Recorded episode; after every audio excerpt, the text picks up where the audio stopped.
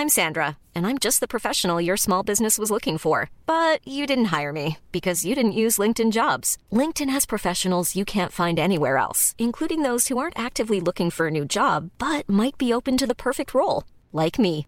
In a given month, over 70% of LinkedIn users don't visit other leading job sites. So if you're not looking on LinkedIn, you'll miss out on great candidates like Sandra. Start hiring professionals like a professional. Post your free job on linkedin.com/people today. Mom deserves the best, and there's no better place to shop for Mother's Day than Whole Foods Market. They're your destination for unbeatable savings, from premium gifts to show-stopping flowers and irresistible desserts. Start by saving 33% with Prime on all body care and candles. Then get a 15-stem bunch of tulips for just $9.99 each with Prime. Round out Mom's menu with festive rosé, irresistible berry chantilly cake, and more special treats. Come celebrate Mother's Day at Whole Foods Market.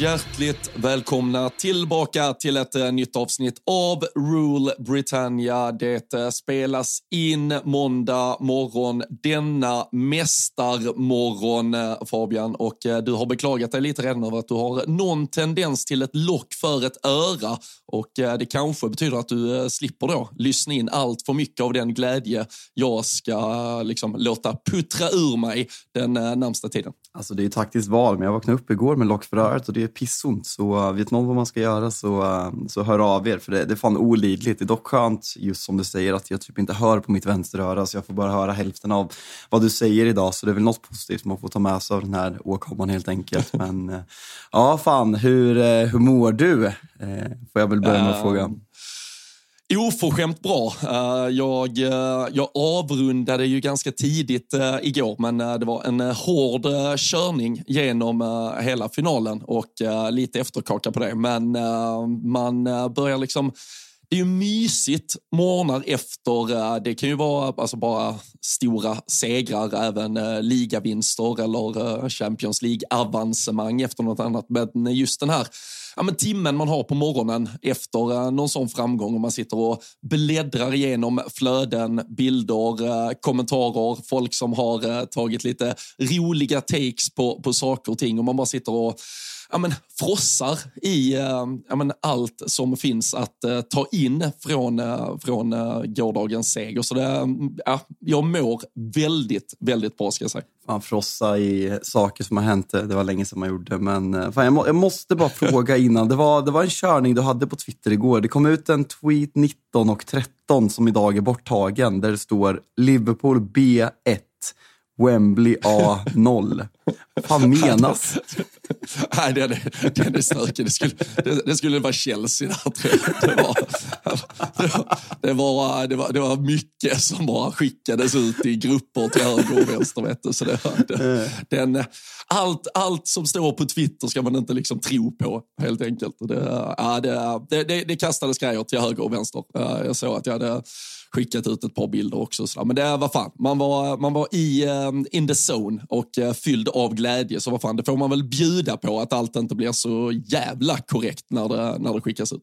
Ja, men det ska man göra. Men fan, vi, eh, vi börjar väl helt enkelt i, i, på, på Wembley. Jag är nyfiken. Ta oss igenom dagen. Det var Liverpools stor träff och det var väl den första sen Fan, det var ju senast ni hade mot Tottenham när jag fick njuta rejält på liksom bara känslan över att se 120 skogstokiga eller oxtokiga eller vad fan det var jag sa då i september när det var eh, Liverpools fans. Se- Matip smälla upp den i eget kryss i 94 minuten. Hur, hur var stämningen innan den här matchen? Uh, ja, men den var ju, det var lite lugnt. Vi brukar ju faktiskt, uh, den där stora träffen vi brukar ha på hösten, jag tror vi var väl uppe mot en eh, uh, 300 pers där eller något sånt. Nu, nu var vi lite färre. Vi var, nu var vi nog, som du var inne på där, en 120-130 pers. Så uh, lite stillsammare. Det brukar ju kanske vara en lördag då, då man har uh, fullsmetad Premier League-omgång och det är ju flera matcher innan och det är lite tipstävlingar och annat. Nu, nu var det ju lite lättare form, men ändå ett um, jävligt liksom, taggat gäng gäng som, eh, som såklart eh, satte sig ner tillsammans. Och det, det både liksom eh, åts och dracks och sjöngs upp lite sådär lagom i alla fall. Och sen, sen var det ju en lång jävla pers igenom. Om det avgjordes i, som du var inne på, 94 minuten där i, där i höstas så skulle vi väl ta oss fram till 118 här idag och det var ju ett, äh, ett Liverpool-lag som till delar redan på förhand gick eh, liksom på knä och eh, vi fick ju aldrig en Darwin Nunes till spel. Vi fick aldrig en Mohamed Salah till spel. Men jag tror att den känslan som vi hade var nog den känslan som jag tycker man i efterhand eh, kanske kan konstatera också hela den röda delen av Wembley och som Klopp Eh, någonstans bara bröstade och njöt av att vi förvandlades mer och mer till någon underdog utan att för den saken skull riktigt vara det. Men det gjorde att eh, det, ja, det samlades kraft på något sätt på att det roliga i att kanske kunna ha en final där vi skickar ut junior efter junior mot de här miljardmännen i Chelsea. Och det är väl lite raljant att säga så, för Liverpool har ju sannoliken sin beskärda del av dyra nyförvärv eller värvningar på den där planen till slut också.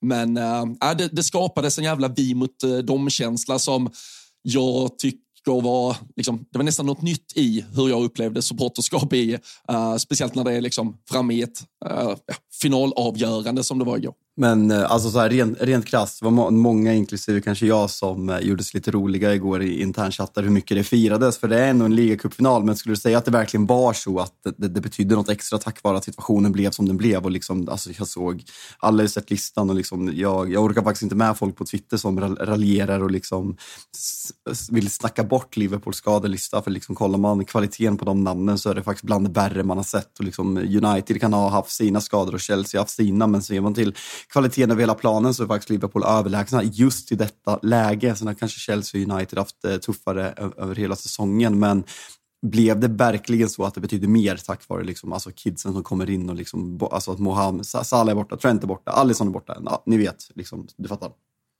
Ja, ja, ja men verkligen. Och jag tror, uh, nu såg jag också, den, den redan berömde Jaden Dance då, som vi pratade om uh, senast. Nu kommer han ju in, han har gjort tydligen 34 minuter seniorfotboll och har fler pokaler än Harry Kane redan i alla fall. men, uh, nej, men, men så det blev ju exakt det du säger, alltså, om detta betydde mer än Jo, det betyder mer än en vanlig ligacupfinal. Sen uh, pratar ju Klopp om efteråt att det kanske är hans favoritseger och triumf och pokal genom alla tider. Att den då därmed skulle liksom trumfa både liga och Champions League framgångar och uh, samtidigt, jag, jag förstår vad han säger i det, alltså sättet Nej, att vinna den på. Käften. Nej, men när vi tar ut, när vi sätter in just Jaden Dance, när vi sätter in James McConnell, jag vet inte om när det bytet exakt görs, det är väl med 5, 6, 7 minuter kvar av ordinarie tid tror jag. Uh, kanske de kommer in. Uh, Dance ja, kommer in något sjunde. Ja, det är ja, men precis. Och Bobby och Clark har inte jag heller någon koll på, det är 72. Nej, och Bobby Clark hade ju redan varit inne lite längre. Ja, och, McConnell och Dance åt sjunde. Eh, Kwanza ja, 106, han är ju etablerad får man väl ändå säga till viss del. Ja, och där är det väl, då plockar vi ut, det är väl eh, Gakpo och uh, någon, alltså liksom, så vi verkligen ned, ja men precis, vi, vi nedmonterar ju någonstans den lilla ryggrad av ordinarie elva som ändå fanns på den där planen och låter de här ungdomarna, och jag tycker att jag vet jag har pratat om det i sånt fall med där Divock Origi blev den här eh, liksom, avbytaren som var go-to att uh, slänga på och det gav ändå supportrar hopp. Vissa byten gör du och supportrar känner ingenting. Att kunna i en final, ställning 0-0 mot ett Chelsea i 87 minuten slänga på just James McConnell och Jaden Dance och få ja, 50 000 Liverpool-supportrar på Wembley att tro att det här kan gå med de här spelarna. Det, jag tycker det säger någonting om eh, ja, men om Klopp, om den här gruppen och om fansen faktiskt. Hur fansen slöt upp bakom det här laget och vi våra fans trodde väldigt mycket mer på de spelarna vi bytte in till trots för deras jävligt ringa meritlista och att det egentligen inte bör finnas någon förväntning på att de ska kunna åstadkomma någonting på den här nivån kontra hur Chelsea sidan av Wembley aldrig verkar ha tro på sitt lag överhuvudtaget. Så jag tycker att eh, det, är, det är en seger från, eh, liksom, eh, ja, från, från tränare till spelare till, till läktare som gör det möjligt tillsammans. Men vad, vad fan sänder det för signal när man ser Pochettino efter matchen sitta och säga att alltså, vi, vi gick för straffar på förlängningen för spelarna var trötta och liksom, vi har ju precis sagt vilka spelare som Liverpool sätter in här. Det är en sån jävla fruktansvärd loser-mentalitet att i det läget som man har och de, förutsättningarna man har gett sig, liksom Chelsea har varit på gång medan Liverpool har haft, haft de här. Alltså, det var en ganska tuff match mot, mot, mot Luton liksom, där man fick kämpa en in i 90 även om det liksom blev 4-1 till slut och man fick liksom go och liksom tro på de unga spelarna från liksom stämningen på Anfield och så vidare. Men att säga så när man är ett lag på gång som har värvat för så mycket pengar och, och möter ett lag med typ så här 8, 9, 10 ordinarie spelare borta där på övertid. Jag tycker att det är så fruktansvärt dåligt. Och sen tycker jag att det blir en, ja, men en liten håll käften för Jürgen Klopp till i stort sett alla tränare och kanske framförallt alla jävla supportrar i i, runt omkring som håller på engelska lag. Liksom Tottenham, men James Madison var borta, då, då kunde man skylla att hela Arns taktik inte funkade för att Madison var borta eller om van der Ven var borta. Nej, men då, då skyllde man att man kan inte spela hans spel om van der Vens snabbhet inte finns i den där backlinjen. Så då kunde man skylla alla, alla liksom förluster på att en mittback var borta. Newcastle har varit samma sak, att man har skyllt på skadorna konstant hela tiden och framför allt mitt jävla Manchester United. Och så här, kollar man nu senast, ja, Lisandro Martinez är borta, Luke Shaw är borta, ja, Mason Mount, ja, han ska väl in någonstans. Och sen så, här, så ser man folk att, ja men jävla konto på, på Twitter som jag, som jag kräks på, jag behöver inte säga namnet på honom, men liksom, liksom som, som, som skriver ut så här att ja, men Erik den Hag ska stämma Manchester United som inte varit backad i somras och fick en spelande mittback. Han har fått värva för fyra miljarder på två år. Han ska väl inte stämma någon överhuvudtaget. Alltså United kan inte kontrollera en match på hemmaplan mot Fulham för att man har eh, Lisandro Martinez och Luke Shaw borta. Man ställer upp där på centralt mittfält även om Casemiro får gå ut med Casemiro, eh, Kobi Meno och Bruno Fernandes. På kanterna är det, eller nu, nu eh, var, var ju Höjlund borta, men det är de tre som liksom är tydligt. De tre ordinarie ska in i den här elvan. Annars är det en ordinarie elva. Och det enda man ser efter den här jävla matchen är ursäkter, ursäkter, ursäkter på att Erik Ten inte har varit backad, att han inte kan spela sitt spel när en spelande och aggressiv Lisandro Martinez är borta. Jag blir så fruktansvärt jävla trött på det. Att den här debatten är kvar när Klopp visar det här vecka ut och vecka in. Ja, det är sån jävla loser-mentalitet och visar hur långt bak Manchester United har kommit de här åren och att, att, att, liksom att folk bara nöjer sig med att komma med bortförklaringar hela tiden utan att se den större bilden. att kolla på Pep och kolla på Klopp och bara så här, Erik Ten Hag, även om han maximerar allting, så är vi så fruktansvärt långt efter. Och det, det gör mig så jävla trött. Och likvärd i grund och botten imponerad av det Jürgen Klopp gör och liksom får spelarna att tro när man kliver upp på den här matchen. Ja, och jag tror, jag tror det är det som Klopp nog pratar om när han pratar om att det är den liksom, någonstans finaste titeln han har vunnit eller någonstans den, den skönaste och kanske den mest speciella med tanke på att det är under de här förutsättningarna Däremot ett Chelsea som du var inne på som har varit lite på gång där spelare på i stort sett varenda position är en invärvad klassspelare som har kostat eh, miljarder.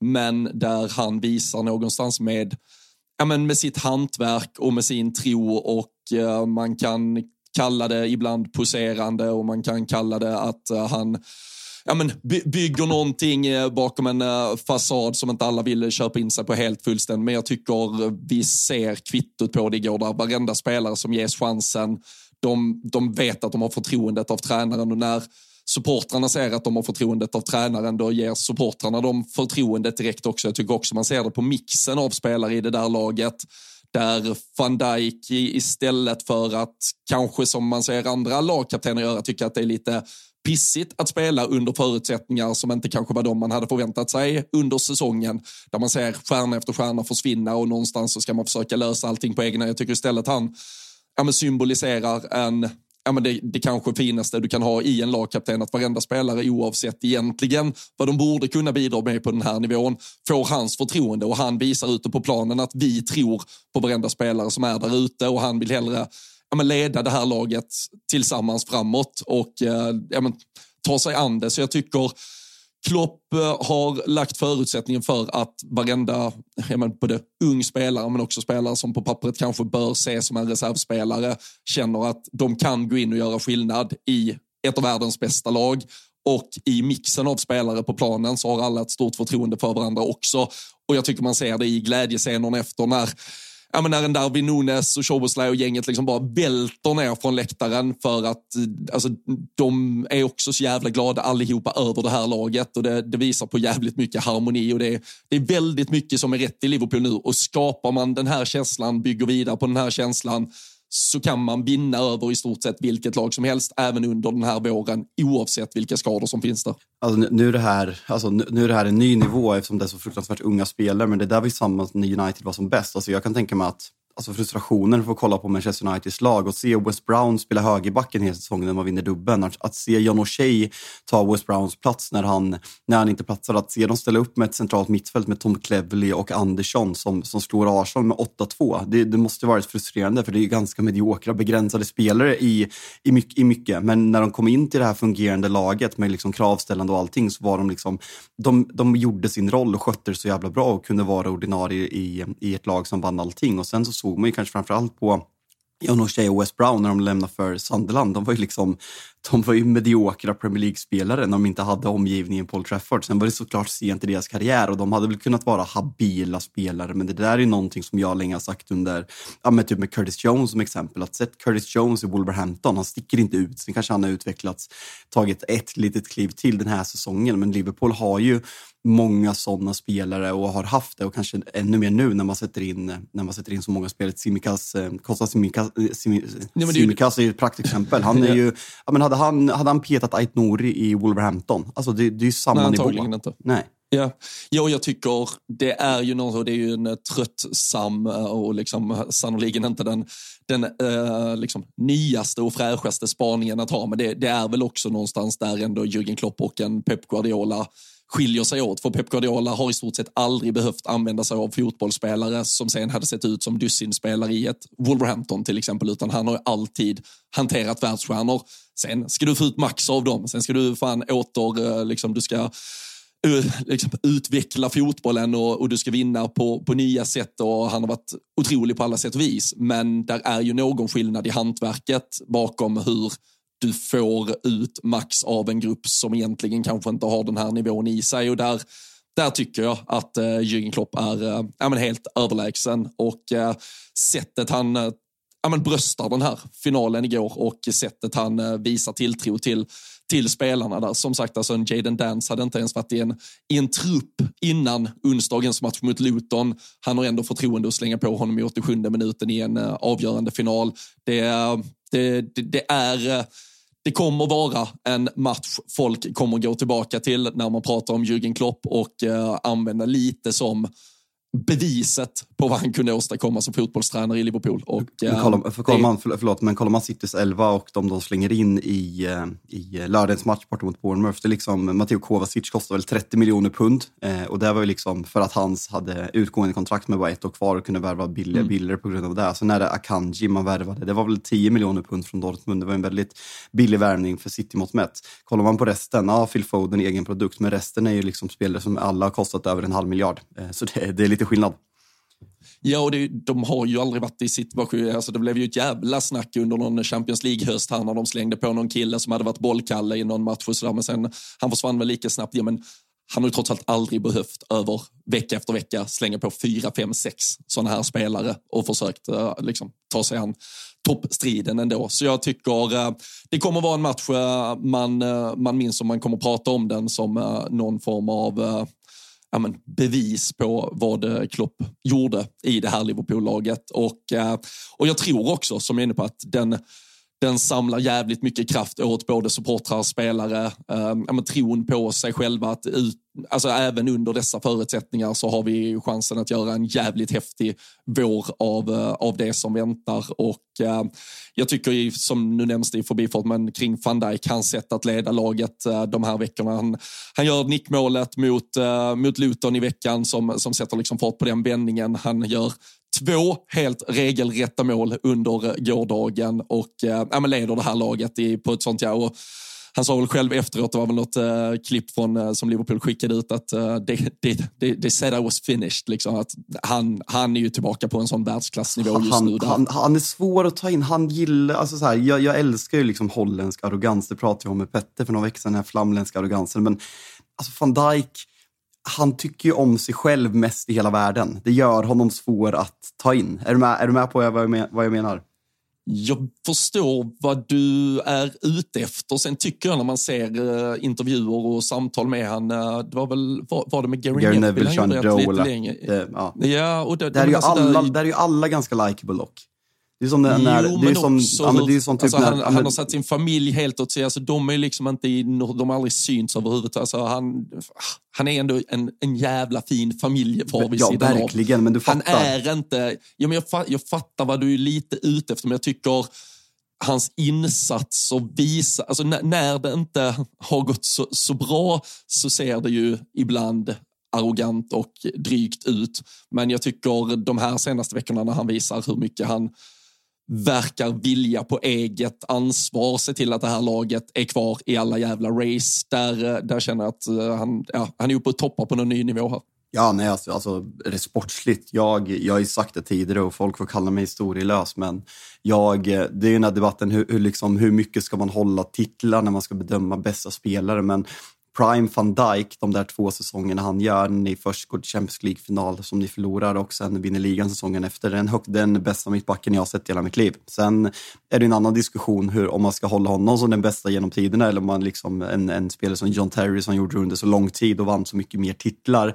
Det är en helt annan diskussion, men eh, Prime van Dijk är det bästa jag har eh, sett i hela mitt liv och eh, det står jag för och han börjar verkligen Alltså det kom ju ut nu igår att han, eh, det bara, they said, the thought was finished. Um, Mm. Och eh, han är ju tillbaka. Vi ifrågasatte honom lite när han fick binden att det såg lojt ut när man, man släppte väl in första målet i åtta raka matcher eller någonting i början av säsongen. Det känns som en, en annan tid sen när, när vi satt och pratade om att Trent och van Dijk såg så jävla loj, loja ut. För eh, Trent nu, eh, ja, men överlägset världens bästa försvarare. Jag, eh, jag ser ingen som är nära eh, och eh, han, är, han är ganska tydlig etta på, på min lista. Eh, framförallt mm. den här säsongen. Så det, vad, det... vad tyckte du om det första bortdömda målet? Alltså, det, det, är så jävla svårt det där. Jag såg att Jonas Eriksson la ut en förklaring på det, att ändå liksom att man ska bedöma om, ehm, om han ehm, om han påverkar, står offside och påverkar han löpvägen för spelarna så är det offside. Så det är bedömningen där. Så det är svårt. Så, men ehm, det går, det går ju att hata på regeln. United fick väl något sånt bortdömt för Maguire i den här säsongen också, tror jag. Eh, så vidrig regel, men jag tycker väl på något sätt att det går att säga att det är rätt när regelboken finns där och bilderna finns. Upp, upp, ja, uppenbarligen så, så går det ju att säga att det är rätt, för jag antar att de har följt regelboken när de eh, bedömer det. Men det, det jag tycker är, för det är väl, om det är Colwill som vill in och fullfölja, men jag tycker inte att alltså han, alltså det är ju någon form av liten screening, men jag tycker inte den spelaren han screenar egentligen gör ett försök att faktiskt springa ner mot van Dijk, så egentligen stoppar ju ändå ingen, utan de står ju i stort sett bara stilla i den där positionen. Så det är inte mycket till det är inte mycket till screening äh, som, som ändå gör från, äh, från det där läget. Det är väl mest det jag tyckte var jävligt märkligt att man då ändå gick in och äh, ja, plockade upp. Men, jag, ska citera, väl, jag, kan citera Jonas Eriksson. Han skriver så här. Eh, VAR svarade ja, Colwell kan nå bollen eh, och det känns som det är rätt i alla fall för mig. En annan VAR kanske hade kommit till ett annat beslut. Till slut handlar det om människors tolkning av olika situationer. Mm. Ja, nej, och så är det väl alltid. Det, det jag menar i det där är väl att jag tycker inte Cole vill göra ett försök att försöka ja, men, gå på bollen eller försöka hindra van Dijk. Så därför är det ganska ointressant huruvida då ändå går in i någon form av mini-duell mot honom. Hade jag hållit på Liverpool hade jag säkert tyckt samma sak. Eh, låt mig vara, ja. vara tydlig. Men, men får jag fråga en sak? Den här, den här, eh, det här röda eh, eventuella kortet som folk vill ha på, på Caicedo, det är väl för tacklingen på Gravenbergs va? Mm. Är inte det bara, alltså nu kanske jag blir jättefärgad åt andra hållet, men är det inte bara jävligt olyckligt? Alltså jag tycker inte att det känns som en tackling. Det är liksom hans fot hamnar i hans löpsteg på något sätt. Jag kanske är blind. Jag vet inte. Hur tolkar du den här situationen? Ja, jag tolkar eller tänkte aldrig på den som ett rött kort i alla fall. Nej. Uh, så det, det, har inte jag heller upplevt. Sen, uh, sen förstår jag att folk gärna snabbt skriker efter saker åt höger och vänster. Men eh, jag håller med. Jag tycker, och det blev väl gult blev det väl i alla fall. Och det, ja, jag kommer inte ihåg. Alltså jätteolyckligt, men jag tycker verkligen inte att det, alltså ett gult absolut, men det är så olyckligt och så extremt omedvetet. Eh, så mm. nej, rött tycker jag inte, för jag såg... Sen tycker jag väl kanske, ja. alltså, jag, jag, tycker att hela domarinsatsen stundtals är, är lite, li, lite svag och Klopp eh, var väl tydlig efter matchen också. Han gick inte och tog Kavanaugh i handen. Oh. Det, barn barn, barnsligt, tycker väl de flesta. Ja, men det är vinst ändå väl, helt okej. Okay. Ja, men, alltså, det, det är ju också, han, han, där är han ju som han är, där är han ju grinkuk. Liksom. Han, han, ser ju till, han ser ju till sitt lags bästa. Vi vinner, vi kommer fira, men jag ska fan markera till domarna att jag är jävligt besviken på deras insats. Och så går han och demonstrativt tackar båda linjedomarna, men inte huvuddomaren som står i mitten. Det, Ja, alltså en det, tränare som har, som, som har und, undvikit eh, fem, eh, fem straffar som man skulle fått emot sig de senaste tre matcherna. Men eh, nu, nu ska de markeras. Men du, eh, du noterar ju att eh, Pochettino var ute inför matchen också och tyckte att eh, domarna nog skulle skärpa till sig lite här. Så att det, han tyckte ju att det fanns tendenser likt det du insinuerar att domargänget nu har bestämt sig på att Klopp ska få en ja, men Eriksgata hela våren fram mot titlarna och Pochettino var ju rädd att domarna skulle hjälpa honom till en titel här. Så det, det, var väl extra tufft då för domarna att eh, gå in och ta eh, beslut åt eh, olika håll kanske. Det är ju ganska bra trash talk. Jag har faktiskt inte sett de, de här kommentarerna, men det är ju faktiskt ganska smart trash talk att sätta de där, alltså sätta diskreta pressen på domarna.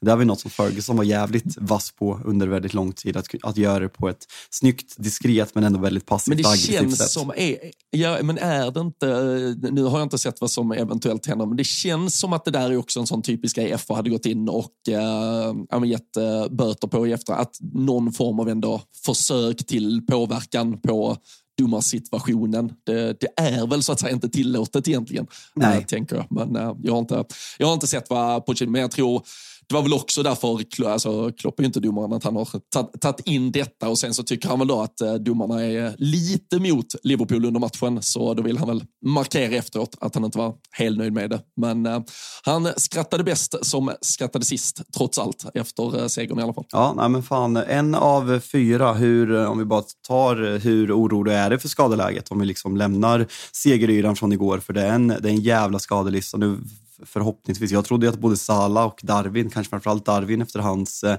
lilla flört med att han var tillbaka i träning i veckan, mm. skulle starta den här matchen eh, som många gick på. Men vad, vad är känslan inför, inför, eh, inför, inför kommande schema med så här många spelare borta? För det är ändå en, ett liga-race ja, som är alltså- fokus. Ja, nu, nu kommer det ju en uh, fa Cup-match mot Southampton här i veckan där det är ju bara att skicka ut alltså, tillgängliga kids. Samtidigt så var det väl lite lite, alltså, på frågan du ställer så har jag väl egentligen inte hunnit uh, tänka så långt. Jag såg någon hade lagt ut på Twitter. Det är två veckor till typ. City. Ja, Nottingham borta ska vinnas, men det, det löser ni väl. Ni vinner väl allt för fan just nu. Ja, och uh, Klopp sa väl efteråt, uh, så som uh, Darwin Nunes och Szoboszlai flög ner för läktarna och firade, så sa han väl, jag, jag, fick från det medicinska teamet att de inte skulle vara tillgängliga, men utifrån vad jag har sett här så känns det väldigt märkligt om de inte skulle kunna spela fotboll i alla fall, för de, de såg ut att, uh, det var någon som skrev, Darwin Nunes, han kan ju omöjligt vara skadad, han ser ut redo att springa ett Grand National, alltså det är ju det här jävla hästloppet i, som körs på Aintree i, i Liverpool, så nej, Förhoppningsvis så är väl eh, Soboslaj, eh, Salla och eh, Nunes ganska nära och är de till Nu är det ju framförallt Soboslaj kanske egentligen med tanke på Gravenbergs out också. Annars eh, är det ju faktiskt på nivå nu att även Premier League-matcher behöver startas med spelare som typ Bobby Clark på det där mittfältet och eh, göra det mot City hemma är väl eh, kanske inte drömmen, även om eh, de, eh, de visade igår att för de flesta nivåer och matcher så duger de. Men eh, City i ett eh, avgörande titelrace här om två veckor, det, det är klart att det ändå behövs några spelare till tillgängliga. Ja, nej, så är det. Vad eh, Vill du gå till eh, mäktiga Manchester United eller vill du prata om eh, otroligt mäktiga Arsenal istället?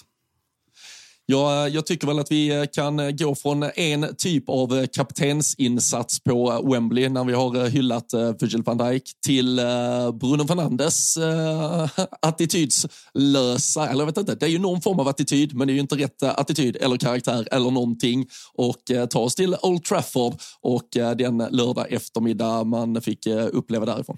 Nej, det Alltså jag vet inte vad jag ska säga gällande United. Det, det är deppigt. Alltså för, för det första, liksom, när man har fått någon, någon typ av go eh, med fyra raka segrar i ligan, obesegrade 2024. Och sen så känns det bara som att ett helt jävla korthus rasar samman när man får ut nyheterna på, på fredagen att eh, Rasmus Höjlund är muskelskadad och missar tre, två till tre veckor. Missar dessutom alltså bortamatch mot Nottingham i, i kuppen och förmodligen City borta också i, i ligan som spelas om två veckor. Så men det var... Nej, till helgen, ska sägas. Vadå för något? Ja, just, det, just ja, det är City, City United är ju till, nu till helgen. Det är på söndag, vad dum jag Det var att jag satt med ert schema och såg att det var 10 mars. Ehm, Precis. Ehm, så det var, det var därför. Nej men alltså det, det känns som att, och ursäkterna bara flödar på förhand och liksom vi, alltså så här bara, jag, jag ställer frågan till dig för jag tycker att det känns så fruktansvärt sjukt att Alltså, Erik Ten Hag värvar Anthony och vi kan göra vad vi vill av den prislappen. Han envisas att spela honom hela tiden första säsongen och han är jättedålig men inte katastrofal. Den här säsongen är han katastrofalt dålig. Han spelar varje match, vecka ut och vecka in. Han blir anklagad för det här hemma i Brasilien, åker dit och ska fixa det och missar en fem, sex matcher eller vad det är. Kommer tillbaka, sitter på bänken några matcher, börjar spela igen, är precis lika dålig men han spelar vecka ut och vecka in. Helt plötsligt blir han bänkad. Han kommer in och får spela liksom cameos på två minuter i två eller tre matcher i rad. Sen helt plötsligt, ja, men då kommer han inte in överhuvudtaget i de två senaste matcherna när United liksom går framåt och vinner. Nu är Rasmus Höjlund borta samtidigt som vi inte har någon direkt ersättare på någon plats. Ja, men då sätter han in Omari Forson istället för Anthony och Anthony får alltså komma in i den 90 minuten. Det är väl typ 98 minuten han byter mot Victor Lindelöf när man vill gå för vinsten efter, eller kvitteringen efter Ivobis kvittering. Vad va, va, va fan är det här? Nej, och det blir alltså, nej, jag, jag, jag vet faktiskt inte exakt vad det är. Och det, det, det, blir ju det blir väldigt lätt och jag förstår att vi sparkar in öppna dörrar och det blir väl också att du och jag tenderar att jämföra Liverpool och Manchester United med tanke på att det är de lagen vi, vi håller om hjärtat så att säga. Men det en, en helg som har gått där Liverpool gör vad de gör med sin truppbredd och Manchester United gör vad de gör med sin trupp under under lördagen. Det, det, är väldigt talande för hur olika de här två fotbollsklubbarna mår just nu. För, för som du säger, var, det, det kändes, alltså Forson som då kommer in, men det är ju samtidigt inte med någon tro på att han riktigt ska alltså jag, jag vet inte, det kanske är, är jag som det kanske var jättemånga United-supportrar, det kanske var ett Old Trafford som bubblade kring hans namn när det kom i startelvan, men det, det var inte känslan. Det känns inte som att Ten Hag säljer in de här besluten gör eller skapar någon entusiasm i dem. Och jag tycker ju verkligen att Manchester Uniteds ledande spelare är jävligt dåliga på att ja, men, få den här truppen att ändå prestera klart mycket närmare den nivå det borde kunna gå att få ut av det här materialet. Som som jag var inne på lite med Bruno Fernandes, alltså kaptensmaterialet och att han ens har den där bilden. Och jag tycker när man tittar tillbaka nu så är det ju faktiskt direkt pinsamt att inte en sån som Harry Maguire faktiskt har fått behålla den där bilden. För jag tycker han är en av få som ändå visar just någon form av karaktär och någon form av vilja och någon form av att ja, men visa vad fan Manchester United ändå ska vara.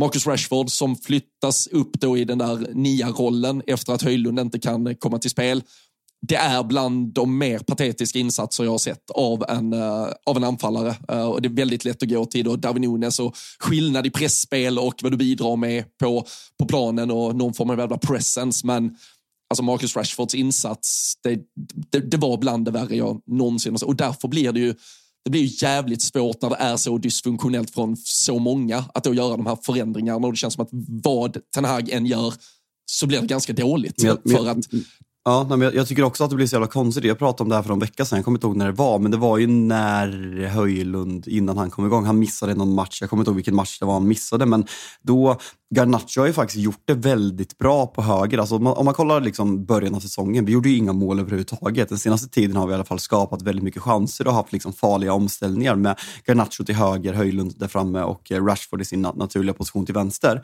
Alltså man då, när, när Höjlund är borta, alltså Marcus Rashford har visat den här säsongen att han är en, eh, ja men som du säger, alltså där, där du säger tycker jag liksom målar in Rashfords säsong 23-24 väldigt bra. Och då har han dessutom fått spela väldigt mycket till vänster. När han har spelat som nia har han varit ännu sämre om det ens är möjligt. Men att man går ifrån det här och liksom för att få in Farson, äh, eh, Forson och jag Ja, men liksom, jag är jättestolt över Uniteds liksom, historik med egna produkter och så vidare. Men vi har Garnacho på plan, vi har Marcus Rashford på plan, vi har Kobe Maino på plan. Det finns egna produkter i, den här i det här laget. Man ska kunna vara stolt i att de finns i elvan. Så varför inte? Ja, men, upp och spela Bruno som falsk nia, spela Scott McTominay som falsk nia. Gör någonting, men ha de spelarna som ändå är i någorlunda lite, lite form att spela dem i rätt positioner. Nu flyttar du upp Marcus Rashford så att han är helt totalt osynlig. Garnacho har inte alls varit lika bra till vänster. Forson är inte tillräckligt bra. Bruno Fernandes springer omkring och gnäller och ser ut som en vidrig människa när det går emot. Jag kan uppskatta det liksom när man är bra och han gör sina poäng, men när han är bland de sämsta, alltså när United har varit bäst under den här säsongen 2024, Bruno har varit vår sämsta spelare, han är inne i sin sämsta period i en Manchester United-tröja och då blir man så extremt provocerad över hans sätt att vara på planen. Jag, jag fattar inte. Så tillsammans med den individuella bristen på kvalitet på väldigt många spelare och liksom aura och inställning på kanske framförallt Marcus Rashford som blir eh, ansiktet utåt på det. Erik Ten Hag som sätter spelarna i, i, platser man inte tror på. Att man plockar bort formstarka spelare i, i platser de har visat att äh, men jag är bäst här. Det funkar bäst att jag spelar här. Bara för att få in en, liksom, en 19-åring som har gjort fyra, jag tror han har spelat fyra matcher, eller om det är tre matcher, och gjort fyra minuter sammanlagt. Alltså plus övertid. Det är, liksom, det är det här förtroendet han har fått innan. Och ja. nu är han tydligen bättre än Erik Ten Hags favoritspelare Anthony som vi skulle betala 80 miljoner pund för. Vad är det här? Nej, och det är precis det du säger, det är ju det märkliga att det är ju såklart ett jättetungt eh, tapp att inte få Höjlund till spel, men att då självmant gå in och fälla dominobrickorna så att du får effekt på ytterligare tre, fyra positioner helt i onödan. För som du säger, alltså Scott McTominay är vad han är, men han har ju faktiskt visat någonting den här säsongen. Som säger, gå in och spela honom i någon uppskjuten centralroll i alla fall. Han kan ju trots allt vara en, ja, men en, en punkt att söka. Han, har, eh, som säger, han, han, är, han är stark inne i boxen. Han är ju sannoliken ingen Rasmus Höjlund, men han kan trots allt uträtta några av de sakerna som även Höjlund kan. Och då behåller du i alla fall ja, men, övriga spelare till så stor del som möjligt på de positionerna som trots allt har skapat vinster de här senaste veckorna. Sen har vi sannoliken diskuterat huruvida det är hållbart över tid och hur bra det egentligen är. Men nej, det, det kändes som att uh, Ten Hag uh, trollade bort sig själv. Jag tycker också sen, det är ju ett ganska tidigt byte på Forson ändå som visar att nej, han trodde ju aldrig riktigt på honom ändå. Liksom. Det, det sänder bara signalen att du, vi, vi provade för att visa att vi också kan slänga in lite unga spelare här typ. Men uh, det, det kändes inte som att varken Ten Hag, övriga spelare eller Forson själv trodde att det där skulle ge någonting. Ja, jag är så, det blir ju typ att man, att man återvänder dit, men när man hör vissa debatter och liksom folk pekar på ja, men hur mycket procent Ten Hag har vunnit av matcherna och räknar in förra säsongen. Och folk måste förstå att förra säsongen var Alltså, jag blev också ganska lurad, men kollar man på underliggande siffror, vi blev väldigt räddade av att Marcus Rashford spelade på ett sätt som man nog får landa i. Alltså Marcus Rashford är inte så bra. Alltså han, han spelade som Mohamed Salah i tre månader. Alltså det var det som gjorde att United kom trea. Och i slutändan var vi ändå väldigt långt ifrån Manchester City och, eh, och Arsenal den här säsongen. Att man menar, att, att man kan peka, liksom, alltså jag ser folk som skriver att vi har spelat bra den senaste tiden. Det, det, har vi ju inte. Alltså den här matchen, vi släpper till 17 skott. Senast var det väl, sa vi inte att eh, över 20 skott åtta gånger den här säsongen och Jürgen Klopp mm. har gjort det två gånger sedan han kom till Liverpool i Premier League. Nu är det 17 skott mot Fulham hemma. Och det, det, är ingen kontrollerande insats. Så ja, det finns olika sätt att ta sig an en fotbollsmatch. Att alla behöver inte vara Manchester City eller Arsenal. Men Liverpool spelar, alltså min bild av Erik Ten Hag är väl på något sätt att han vill efterlikna Jürgen Klopp. Liksom snabb återerövring, väldigt snabba omställningar. Men du måste fortfarande liksom vara ute efter ett kontrollerat försvarsspel. Alltså att du måste kunna försvara när du, när du, när du själv har de här höga, höga omställningarna. Men att man då släpper till så mycket chanser och låter låter över initiativet till på pappret mycket sämre lag. Och det är bara att kolla på Fulham. Alltså, Fulham utan Palinja. Kolla vad Manchester Uniteds startelva kostar och hur många av dem som är riktigt Hags värvningar kontra liksom Fulham under Marco Silva. Marco Silva är någon som har gjort en bra tränargärning med, med sitt material. Alltså Iraola i Bournemouth, du ser vad han vill. Du kan kolla på De Serbi i Brighton med en jävla piss-elva som liksom ligger ungefär på samma position som Manchester United gör. Erik Ten Hag, alltså jag Alltså Mourinho, nu blir man historielös för det är lätt att glömma bort hur dåliga saker har varit. Men eh, David Moyes, Manchester United, det var liksom hädiskt och då var man bara liksom, i början var det kul för att man inte hade varit dålig under hela sin livstid, men sen var det bara hädiskt för att eh, han liksom tog över en, en, en, ett lag som vann ligan med 11 poäng tills att komma sjua i ligan och missa Europa och åka ut i kvartsfinalen mot Bayern München. Eh, sen kom Louis van Hall. Louis van Hall visste man vad han ville. Alltså han, även om det var hädiskt att kolla på så visste man vad han ville. José Mourinho, han ville vinna. Han, vi, han ville vinna och kontrollera. Sen hade han svårt att komma till chanser och göra mål. Men just den här grejen att man såg vad han ville. Liksom vad, man såg vad de gjorde på träningsplanen, även om jag liksom inte, det var inte vägvinnande. Och det kanske han hade passerat bäst före-datum. Men liksom, vinnarinställning i truppen plus ett kontrollerande spel med väldigt mycket passningar. United hade väl typ högst procent i, i possession den, den säsongen, även om det inte gav någonting. Men man såg ändå någonting. José Mourinho var José Mourinho. Man vet, man ser ändå vad han vill, även om det är likt i slutet i alla hans insatser i klubbar, liksom Roma, det Real Madrid, Manchester United, Chelsea gånger två. Det ser hädiskt ut, men han vill ändå någonting. Ole Gunnar Solskär, han gick väl obesegrad i typ så 22 raka bortamatcher. Det är Premier League-rekord och det gör man inte av en slump. Sen var jag emot Ole Gunnar Solskär som tränare. Jag tyckte aldrig att han var tillräckligt bra för att träna en klubb på den nivån, men man såg vad han var ute efter. Han satte ett jävligt bra kollektiv, lågt stående försvarsspel, spelade på Maguires liksom, styrkor, får stå lågt, får nicka bort bollar och sen extremt snabba omställningar med Mason Greenwood, Martial och eh, Rashford kanske framför allt. Och sen kom Bruno in och kunde liksom göra de poängen han gjorde och liksom leverera bollarna till de här spelarna vad vill Erik Ten Hag med det här spelet? Ja, vinna bollen högt och ställa om, men försvarsmässigt, alltså, vad, vad, jag vet inte. Vad, vad vill han? Nej, men också, jag menar, alltså, vinna bollen högt, jag vet inte, det kanske är Det vill väl alla har, göra? Ja, och han kanske har någon dröm om att göra det, men du kommer aldrig någonsin göra det med Marcus Rashford, med eh, alltså Bruno Fernandes, med en, när han slänger på en Christian Eriksen, eh, en Casemiro. Alltså det är ju spelare som knappt kan springa. Han, han har att göra med där framme, så jag vet inte riktigt hur den där återerövringsprocessen ska se ut och eh, alltså det känns ju som att ni behöver eh, göra en rejäl utrensning i sommar och jag tycker nog, eh, i alla fall om det är det senaste året vi ska gå på, så måste ni väl nog ställa er frågan ifall det finns ett PSG eller någon annan beredd att betala pengar för Marcus Rashford.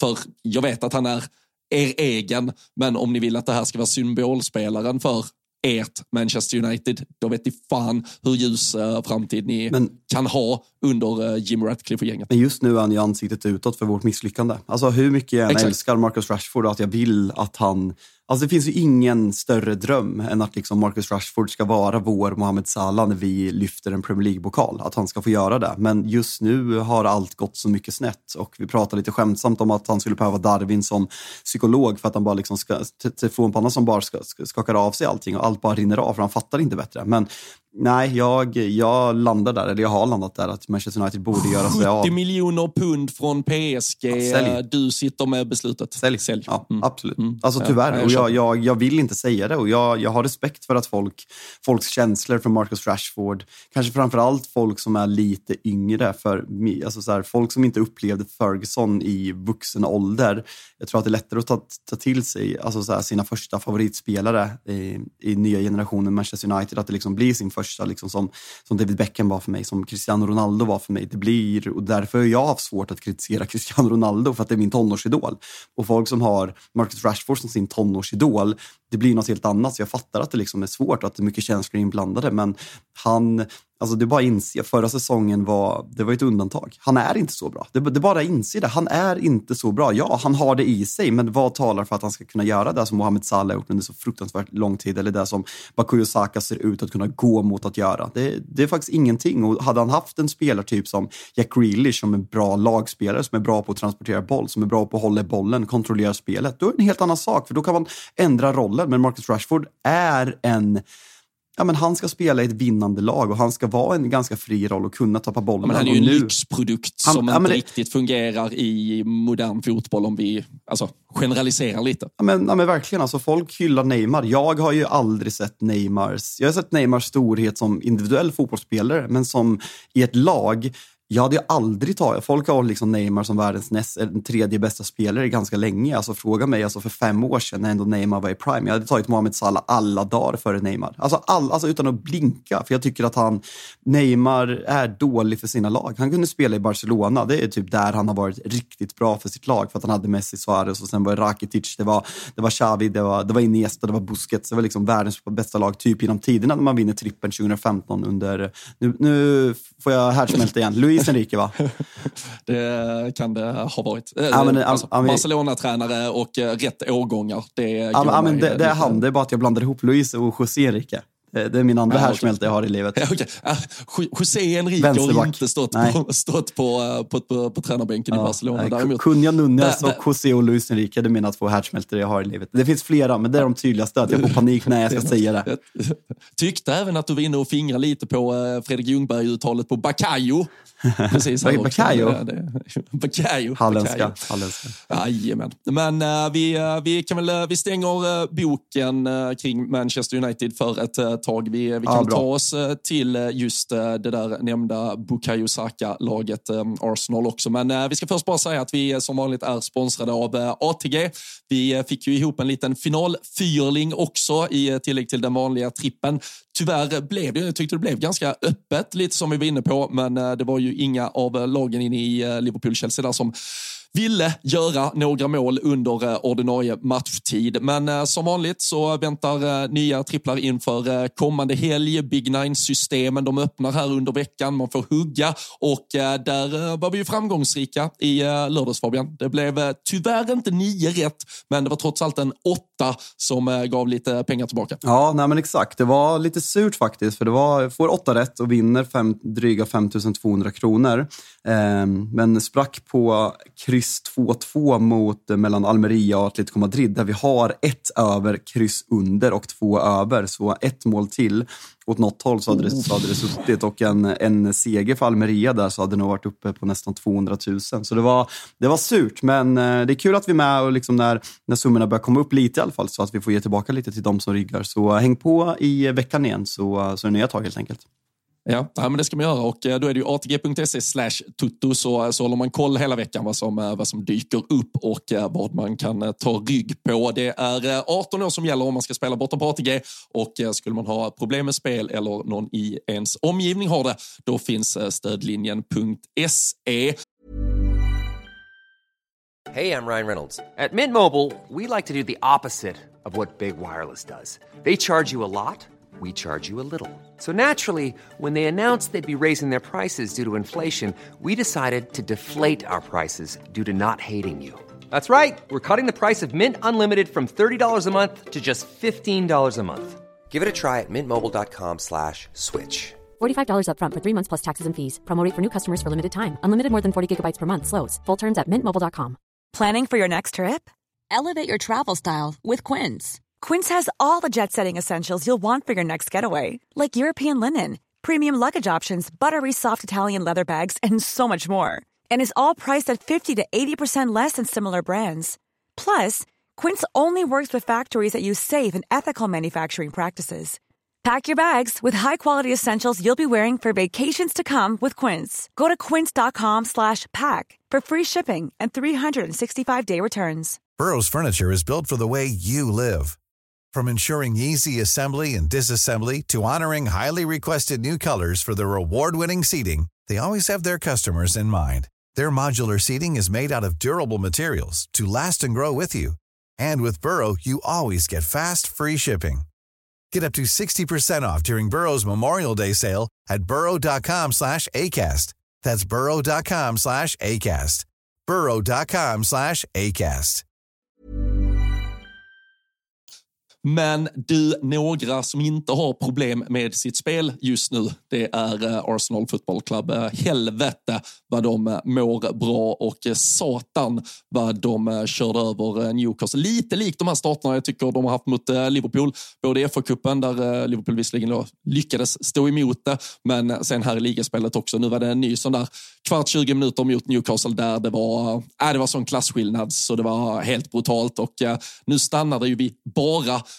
4-1, men det är alltså eh, det är sex gjorda mål eh, för två veckor sedan. Det var fem senast, det är fyra nu och eh, det var väl någon statistik på att Arsenal i februari hade gjort hälften så många mål som United har gjort på hela säsongen. Det, jag vet inte om det säger mest om Arsenals februari eller om United.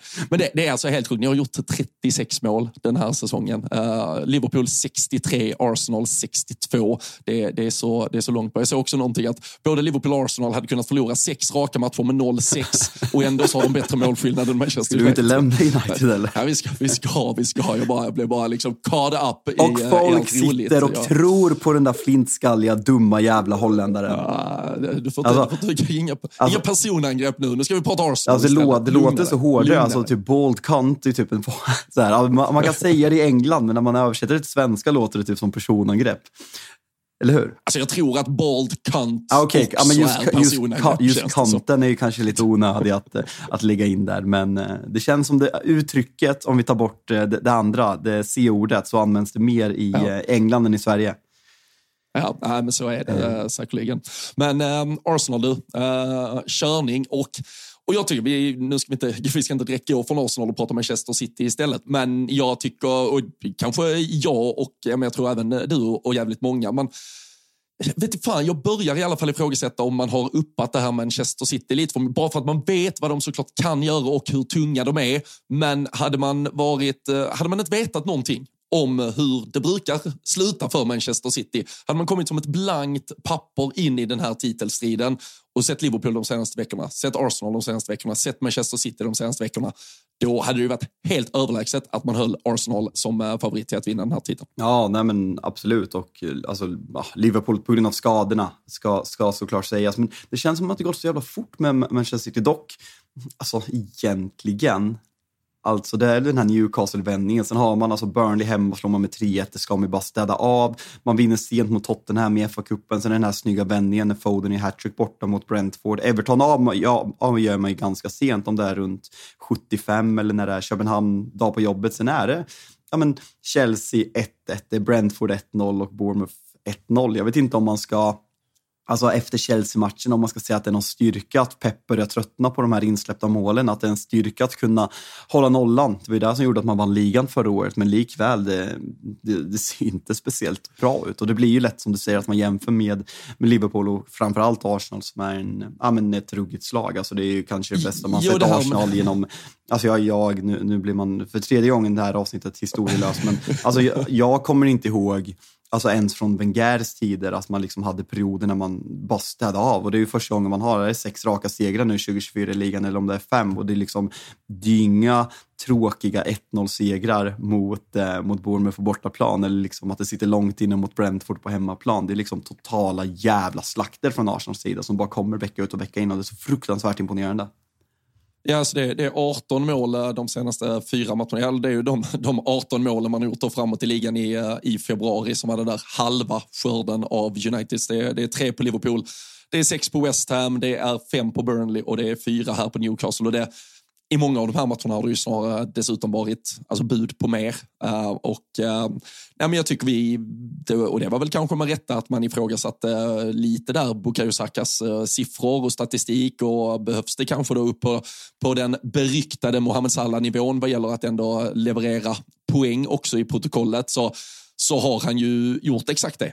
jag tycker att han kanske inte Alltså, han är kanske inte lika, han sticker inte ut, tycker jag i alla fall, lika mycket den här, men han har visat, tycker jag, de här senaste veckorna hur avgörande han ändå är i det där laget. Och, och det är ju ett menar, ett jävla styrkebesked och jävla viktigt att ta med sig in i den vår som väntar. Att eh, de känner sen, sen hela laget och nu visar de ju faktiskt på lite truppstyrka. Nu gjorde man ju lite för, förändringar. Nu kom en eh, Jorginho in istället. Man satte upp Havertz i, eh, i nia rollen. Man eh, använde truppen lite, lite mer i alla fall. Det är ju det vi kanske har diskuterat mest senaste veckorna ifall han har, eh, ja, men har redskap i den där verktygslådan till att göra det eller väljer att använda de redskapen som finns att äta. Men det tycker jag man gör här också och eh, man äh, är jag superimponerad över äh, Arsenal och äh, har väl försökt inbilla mig att det liksom, för Liverpools del handlar om att hålla undan för ett Manchester City. Men landade nog när jag gick och la mig i lördags efter att ha sett den där Arsenal-matchen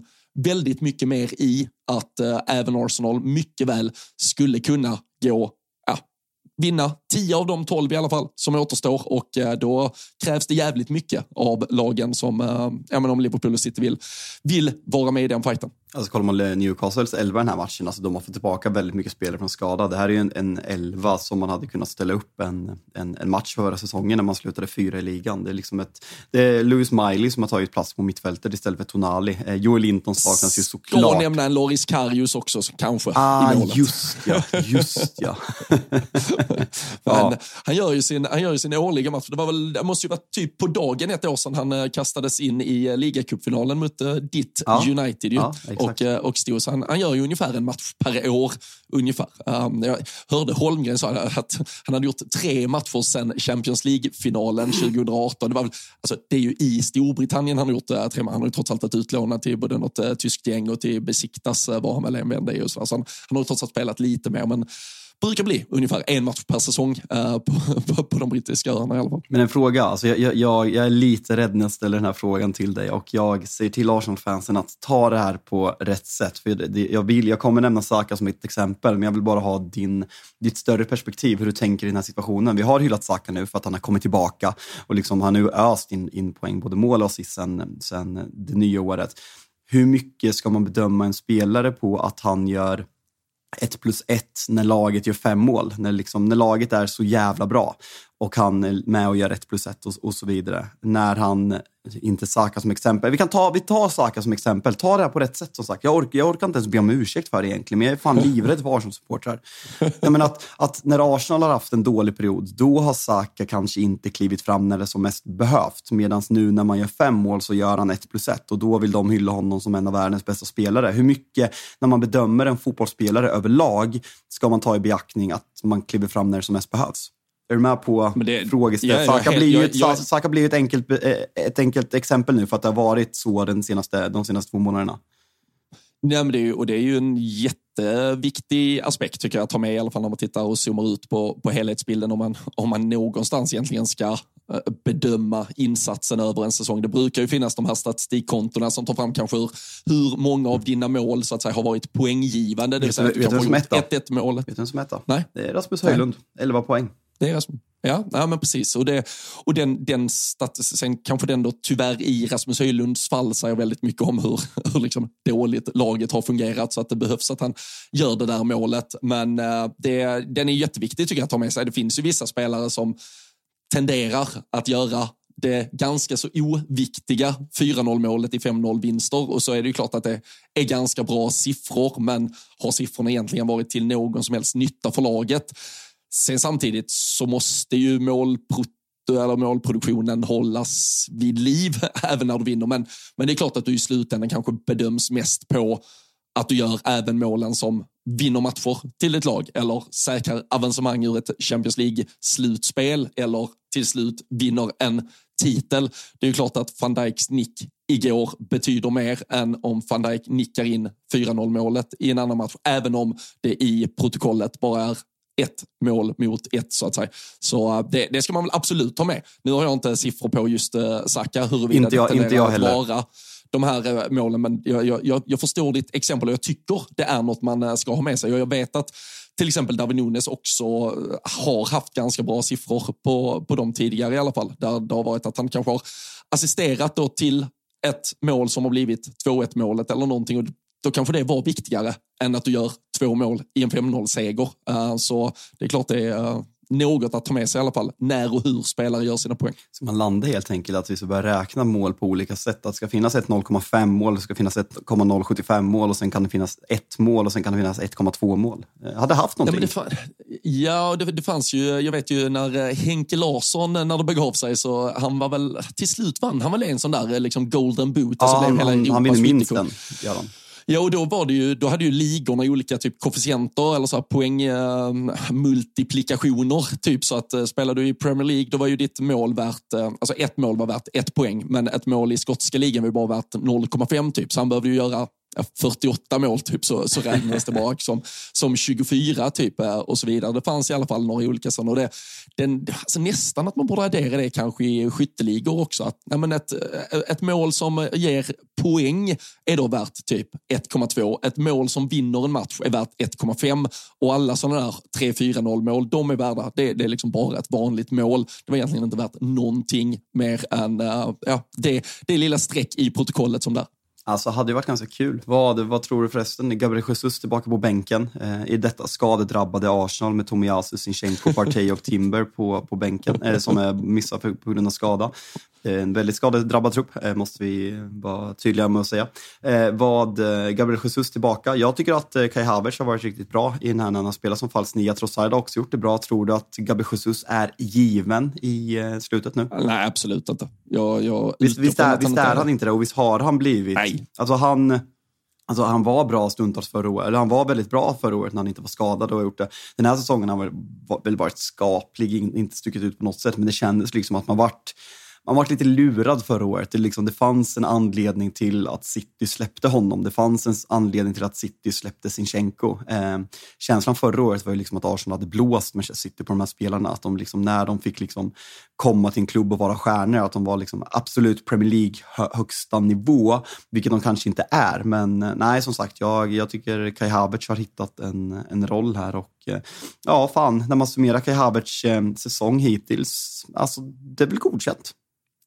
Ja, nej men absolut. Sen, sen fattar jag, alltså, när, när, när Pierre och de andra Arsenal-supportrarna diskuterar honom så, så blir det ju såklart alltid med glasögon där prislapp äh, sätts, äh, sätts upp och så sätter man det i relation till vad man tycker man borde kunna få ut av en spelare man betalar så mycket pengar för och så vidare. Men i slutändan så har han ju bidragit till ett Arsenal som återigen är i den absoluta toppen, gör upp om titeln när, eh, när våren nu står för dörren och äh, ja, men de är om de gör vad de ska i uh, den där Champions League-returen mot Porto på hemmaplan så är de vidare där också. Då, då, då tycker jag det är svårt att klaga på, på det man har uh, satt ihop uh, truppmässigt uh, den här säsongen. Men jag, men jag tror verkligen att Jesus snarare kommer vara den som kastas på om man jagar någonting. För jag tycker att Trossard och eh, Harvard, så lite beroende på hur man väljer att växla där uppe, är två spelare som passar in bättre i det system som Arteta vill spela. Jag tycker att helheten får ut mycket mer av att uh, ha den typ av spelare på planen.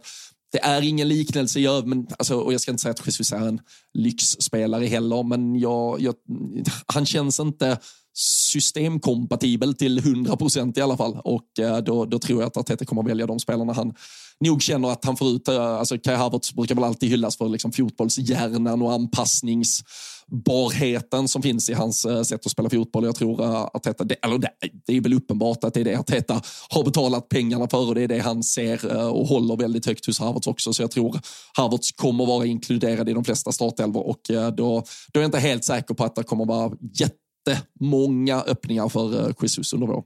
Vad vill vi mer ha med oss från helgen? Vi är dryga en timme in. United spelar ju 16, så jag hade ju såklart koll på den. Det var jävligt mycket 16 matcher. Bournemouth City, jag eh, var faktiskt iväg och såg den inte. Är det något du vill ha med dig från den matchen? Nej, men alltså jag, jag, tycker vi har varit inne på det jag, kring eh, City. Jag tycker väl det, den sista taken vi kan ta från eh, det där eh, Arsenal-Newcastle-matchen var väl, som du också nämnde, det var ju Newcastle som började få tillbaka lite spelare. Alexander Isak var ju tillbaka och eh, alltså helvete vad iskall han är. Nu, alltså så här, ska vi bedöma honom på en match borta mot Arsenal när laget blir pulveriserat och helt överkört och ska vi göra det den första timmen han är tillbaka i spel efter att han har varit skadad ett par veckor. Men eh, Där, där, kan jag däremot dra liknelsen till Marcus Rashford. Han, eh, jag tycker inte han eh, han, han håller inte i det nu, nu var det ett väldigt lågt Newcastle. De kom inte så högt i pressen överhuvudtaget, men jag tycker man ser det gång på gång på gång i det här Newcastle när han spelar, att han håller inte uppe pressen och det, det är väldigt lätt för lag att... Äh, alltså, han, han, han fyller ingen funktion i det kollektiva försvarsspelet. Jag, jag, jag tycker inte man har råd till det eh, på den här nivån längre. Och jag, jag, jag är lite osäker. Det är väldigt mycket folk i Sverige som håller Alexander Isak på nivå. Det, där finns siffror som talar för att det, det ser jättebra ut. Sen tycker jag också det blir fel att man bara, ja, men han, bara han har gjort 10 mål på då bara, om det var 15 starter eller någonting den här säsongen. Ja, men det är också ett problem att han bara har gjort 15 starter, så det är inte heller att du kan se det som något positivt att han har ganska bra då mål per match. För det är inte heller så jävla många mål som i slutändan har betytt segrar till lagen. Men äh, jag, jag är lite osäker på vad Alexander Isak egentligen är äh, och framförallt lite förundrad över den hypen som var för typ två månader sedan. För jag tycker inte riktigt han visar att han eh, jag ska inte säga att han inte håller på den här nivån, det gör han. Men jag har svårt att se att större lag i Premier League skulle vara intresserade av Alexander Isak i alla fall. Det är väldigt många som håller på AIK som bidrar med den här hypen, får vi vara tydliga med att säga. Nej, men grejen är den här, och jag, jag kunde liksom, om, om folk såg det, Robin sa ju någonting förra veckan om att Arsenal har varit, eh, alltså att de har haft tur med skador den här säsongen om man jämför med de andra storlagen. Och det var vissa som gick igång på det och då bollar ju folk upp Thomas Partey som ett exempel som har varit skadad. Och det är så här, någon gång passerar man väl en spelare som inte ens räknar att man bedömer honom. Det är som du skulle aldrig, liksom, om du ska argumentera om Liverpools startelva den här säsongen, skulle du säga ja men Thiago har missat 24 matcher i ligan. Alltså han, någon gång kommer man ju dit att man räknas inte ens för att man är så jävla van att de är skadade. Thomas Partey har väl haft en skadefri säsong sedan han kom till Arsenal. Det är som, du räknar inte med Diaby back in the days, man missar varenda jävla säsong hela tiden. Owen Hargreaves, han gör väl typ en säsong hela sin karriär när han inte är skadad. Alexander Isak, han har ju två, tre, fyra gånger han kliver av och är borta en månad per säsong och det håller inte i längden.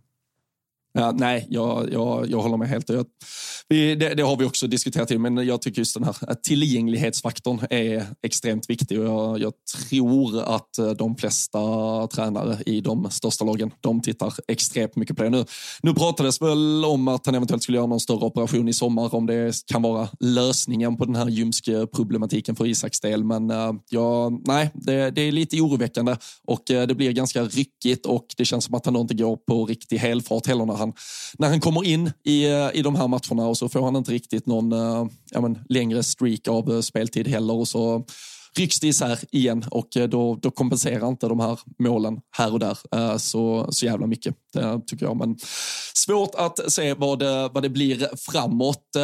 Måste fan bara avsluta med på, på, på Arsenal. Jag vet inte om du har sett, det finns en liten Niklas Bentner-dokumentär på Viaplay. Nej, har du något som, den, nej, nej det, alltså, den är väl vad den är. Den, den ska följa hans form av comeback till fotbollen efter att Rosenborg har rivit hans kontrakt efter att han är i någon on uh, han äh, lappar väl till någon taxichaufför, det är någon äh, fylleskandal. Äh, det, är ganska, det, det, är liksom Niklas Bentner äh, som, som det ska vara och äh, då får man följa hans äh, sista höst tillbaka till äh, fotbollen där han ska försöka få ett kontrakt med FCK. Det får han till slut och sådär och så får man lite, man får reda på lite kring hans barndom och var han kom, liksom, vilka förutsättningar han har kommit ifrån. Jävligt strulig relation till sin pappa som gick in i någon agentverksamhet, har nog blåst honom på en jävla massa pengar och så vidare. Men den slutar med då att han lägger ju ner fotbollskarriären. Det är väl eh, tre, fyra år sedan nu och eh, istället så ska han ju ta sina coaching batches. Han, eh, han går någon, de har väl den här, alltså, det finns ju den här vänsterfilen för ex-spelare. Det vet man ju att de flesta landslagsspelare i Sverige brukar tenderar att gå efter att de har avslutat karriären. Bentner gör väl något liknande då i Danmark. Så är han tillbaka på ehm, ja men, Arsenals äh, träningsanläggning och äh, träffar, du vet, det är ju lite, han träffar någon gammal materialare, någon äh, någon, någon sån här som jobbar i köket, du vet, som alla älskar. Och så här, men den är ju ändå omtyckt. Det har ju säkert varit en liksom, filur när han var i eh, Arsenal. Men så kommer han också ut till några av spelarna och berättar då att han ska ta sina, att han håller på att bli tränare. Ingen spelare tror ju på honom. De bara, du är du liksom, det här håller inte. Och sen är det en situation där han ska gå ut till Arteta och stå och surra lite med honom. Det är ju så kylig stämning. Alltså de, de måste ha hat. Jag kan inte tänka mig större motpoler i ett omklädningsrum som de ändå, de ändå delade under ett par år i Arsenal. Och nu har Bentner någon förhoppning om att de kommer att få lite tips och tricks av Arteta. Arteta vill ju inte ens titta på honom när han kommer ut. Alltså det. Lord Nej, Bentner. Lord Bentner. Vi, Men fan, är man inte, blir, gällande Arteta, jag såg någon som skrev det på Twitter, är man inte lite förvånad? Alltså, jag minns ju Arteta som en väldigt känslokall spelare. Alltså, framförallt, liksom, jag kommer ihåg honom mest från Everton-tiden. Det är där som jag förknippar liksom, Arteta som spelare. Sen gick han till Arsenal i slutet av sin karriär. Men han var liksom, alltså typ en ja, men en Xavi-spelare som sällan visade en enda känsla på planen. Han var där, han var liksom bra, han var ständiga tre plus, ibland fyra. Gjorde ju, alltså jag kommer ihåg att man hade så här, när man skulle komma på bästa spelare som hade gjort noll landskamper, bollar man alltid upp Arteta som står på noll landskamper, det är jag ganska säker på. Men är det inte ovanligt att man går från en sån ja, men, anonym spelare eh, aggressionsmässigt till att liksom vara, ja, men, som Arteta beter sig vid sidlinjen just nu? Ja, men är det inte därför, känner jag kanske i alla fall, att man, nu, vi, vi brukar slentrianmässigt eh, hamna på eh, liksom, ordet eh, poserande. Och det är väl inte det som är facit eller det helt rätta i detta här, men det, det är väl därför kan jag tänka mig i alla fall om jag går till mig själv och, och säkert då folk utanför Arsenal-led som kanske stör sig lite på Arteta, det är att man inte är helt säker på hur mycket av det där som är typ äkta och hur mycket som är påklistrat för att skapa äkta. någonting. Alltså, alltså just den här besattheten, ja. och så, det känns äkta och sen kan man gå och vissa saker kan vara poserande och liksom poserande. Fan, hade man själv varit tränare på en, har man lite innanför pannbenet och vet vad folket vill ha så kan man väl liksom samla pluspoäng. Det är väl mer mänskligt. Sen kan man störa Exakt, på... 100%. Så, sen kan man ju störa, men som, jag vet när Pontus Jansson, liksom, folk kan säga att Ponne är poserande men han, liksom, han vet ju vad supportrar vill ha och kan man då samla pluspoäng genom att säga vissa saker som är publikfrieri, det är väl i, grund och botten smart och inte poserande. Eller du kan väl säga att det är poserande också, men i grund och botten handlar det väl om att du,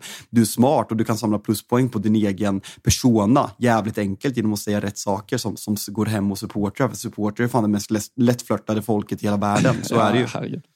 Ja, och, och, det var väl, jag vet inte om det var exakt det, det jag skulle, men det, det, var, det var det jag kände att nu, nu var det ju säkerligen då två jävla motpoler från det där omklädningsrummet i Bentner och Arteta, men det fanns heller det fanns fan ingen värme från Arteta i det där mötet. Sen kan det ju finnas hundra anledningar till det där, men jag, jag har svårt att se honom egentligen alltså ge den värmen på en träningsanläggning. Ja, men han verkar han... ju, när man ser klipp från spelarna så känns det som att han är varm. Medan som spelare kändes han iskall, alltså känslokall. Mm. Ja, nej, jag, jag men det, det, det, är ju men, samma sak. Jag vet inte om det var Total Live Weekend vi pratade om, att det känns som att han har en sex dungeon. Alltså att det finns, det finns ju ett mörker där. Det kan ju finnas barn inlåsta i hans källare. Får man säga så eller är det förtal? det, kan vara, vi får ta det med advokat eh, Josef Landén innan vi publicerar kanske. Ja, jag, jag, står, jag står för den. Det, det låter hur bra som helst. Vi, eh, vi kanske avrundar där. Vi, vi har blivit långa redan, så eh, vi får väl eh, vi får spara Manchester City. Vi får spara lite, lite andra lag. Det var, det var inte några hejdundrande insatser. Aston Villa hade körning igen i alla fall.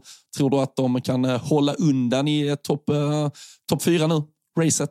om en Champions League-plats? Jag tänkte ta ett, eh, ett jättetråkigt svar och säga att det blir tufft mot Tottenham, att det är liksom öppet eh, och det beror på om England får två platser eller inte. Men det är så jävla tråkigt svar. Så jag säger ja, de håller ut. Villa kommer fyra, för jag tycker inte att Spurs... Alltså Villa kommer inte gå rent för de är inte tillräckligt bra eller gå rent, men de kommer liksom kunna fortsätta på samma nivå. Jag tror att Tottenham, även om högsta nivån kanske är, nej, den är fan inte högre, för Villa har visat upp en högre högsta nivå i matcherna mot Arsenal och City. Så jag säger att eh, Villa löser det där. Jag tror inte att Tottenham är tillräckligt bra för att ta sig ikapp. Nej, du, du utropar ju annars Manchester City till uh, fjärdeplats uh, kandidater då, för en vecka sedan. Men uh, jag, jag antar att du har United. gett upp den tanken igen. City, City, City ja, United den, den har jag gett upp nu ja, det, det, det, levde några, några timmar ungefär. Men äh, och vi ska säga, det, det mesta talar faktiskt för, jag ser att det snurrar ju den här jävla eh, listan på hur det ser ut med den där femte Champions League-platsen. Och det är ju två ligor som ska få en extra plats. Och det är ju Italien och äh, Tyskland äh, i topp där. Och det är ju många äh, Serie A-runkare där ute nu som liksom visar, kolla här va? Men äh, det är ju väldigt mycket poäng för Englands del som inte har äh, börjat ticka in eftersom de inte ens har spelat de här åttondelsfinalerna, utan, eller sextondelsfinalerna utan går direkt in i uh, nästa skede av uh, både Europa League och Conference. Och man samlar faktiskt på sig lika mycket poäng där i stort sett som man gör från Champions League-spel. Så det mesta tyder faktiskt på att uh, England kommer att lösa en femteplats. Ja, men vi, om, visst, visst blir det där, Robin, visst blir det jävligt missvisande nu när man, nu bedömer de ju bara hur det är nu och eventuella vinster som har varit i Tyskland och Italien. Sen får man liksom kolla på vad fan har, har Italien har, de har inte, har de något mer lag i åttondel i Champions League? Eller helt, jo, det har Napoli. de väl. Na Napoli Just det, som Napoli. möter... Ja, nu hoppas inte eh, Svanen, hoppas inte Svanen lyssnar. Nej, men Nap- Napoli kommer ju förmodligen åka ur. Eh, Mm. Och eh, Inter, ja, men 70-30 fördel mot Atletico och eh, samtidigt som de engelska lagen är ganska stora favoriter att gå vidare. Så man, man, jag tycker att den här uträkningen, hur det ser ut idag, blir väldigt missvisande. För det finns ju liksom stora favoriter att gå vidare och majoriteten av engelska lagen fick, både Villa och Brighton fick ganska tuffa lottningar i Roma och Roma och Ajax. Ajax exakt. Alltså, Ä- Ajax. Även om de avslutar på hemmaplan. Liverpool kommer ju gå vidare. Eh, kommer inte ihåg, eh, West Ham fick Freiburg eller? Ska de, Freiburg, ska, de, ska de väl kunna lösa. Så det, det blir lite missvisande den där uträkningen. Så det är bara att hålla tummarna att det blir en femte Champions League-plats för England. Eller ska man hålla tummarna för det? Det betyder att engelska lag går långt i Europa. Det vill jag ju inte. Nej, sen är du väl ganska obrydd över hur det egentligen går för Aston Villa i ett eh, conference. Villa, eh, Villa kan få vinna. Villa, Brighton och Ja. West Ham kan få vinna. Liverpool, Europa League. Alltså, alltså egentligen bryr jag mig inte. Men jag orkar inte med en gårdag som igår. Det, det kommer ignoreras ord på Twitter inom väldigt snar framtid. Det blir så svårt för dig att ignorera ord eftersom du inte riktigt vet vad jag kommer skriva i olika segerrus. Så du kommer inte riktigt kunna hantera det och uh, värja dig. Det, det kommer vara liksom bara en storm som uh, river över dig uh, när det väl är dags för nya titlar att delas ut. Alltså det kan jag konsumera, men jag tänker typ att man kommer väldigt långt på om man ignorerar Klopp och Liverpool. Det kommer man väldigt långt Ja. på att få bort saker som provocerar en i ens flöde. Ja, nej, det, det är eh, väl eh, korrekt kanske. Det, det kan vara bra för ditt eh, välmående. Vi, vi håller i alla fall tummarna för Manchester United tillsammans till helgen. Som sagt, de möter ju Manchester City, men vi har lite fa Cup-fotboll i veckan. Vi har ett West Ham Brentford i ligan som väntar måndag kväll också. Så som vanligt så kommer det ett matigt midweek-avsnitt även framåt torsdagen. Vi, vi, vi ursäktar väl till alla morgongnuggare att vi inte fanns ute tidigt måndag morgon som vi alltid brukar göra annars. Men, eh, men håll till godo här. Vi behövde som sagt eh, ta ner segerns eh, sötma och det var nog bäst för alla Fabian att vi inte spelade in ett avsnitt igår vid 7-8 tiden i alla fall. Kanske. Ja, jag fick det intrycket på bilderna jag fick skickade till mig. Så det var, det var nog bäst för alla. Så var det. Men nu önskar vi en skön jävla start på veckan till alla där ute. Vi hörs och ses snart igen.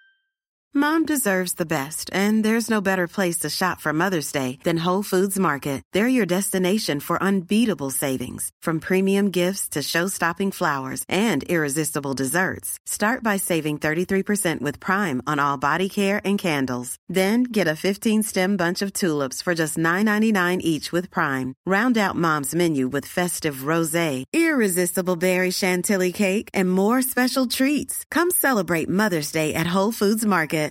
Hi, I'm Daniel, founder of Pretty Litter. Cats and cat owners deserve better than any old fashioned litter. That's why I teamed up with scientists and veterinarians to create Pretty Litter. Its innovative crystal formula has superior odor control and weighs up to 80% less than clay litter. Pretty Litter even monitors health by changing colors to help detect early signs of potential illness. It's the world's smartest kitty litter. Go to prettylitter.com and use code ACAST for 20% off your first order and a free cat toy. Terms and conditions apply. See site for details.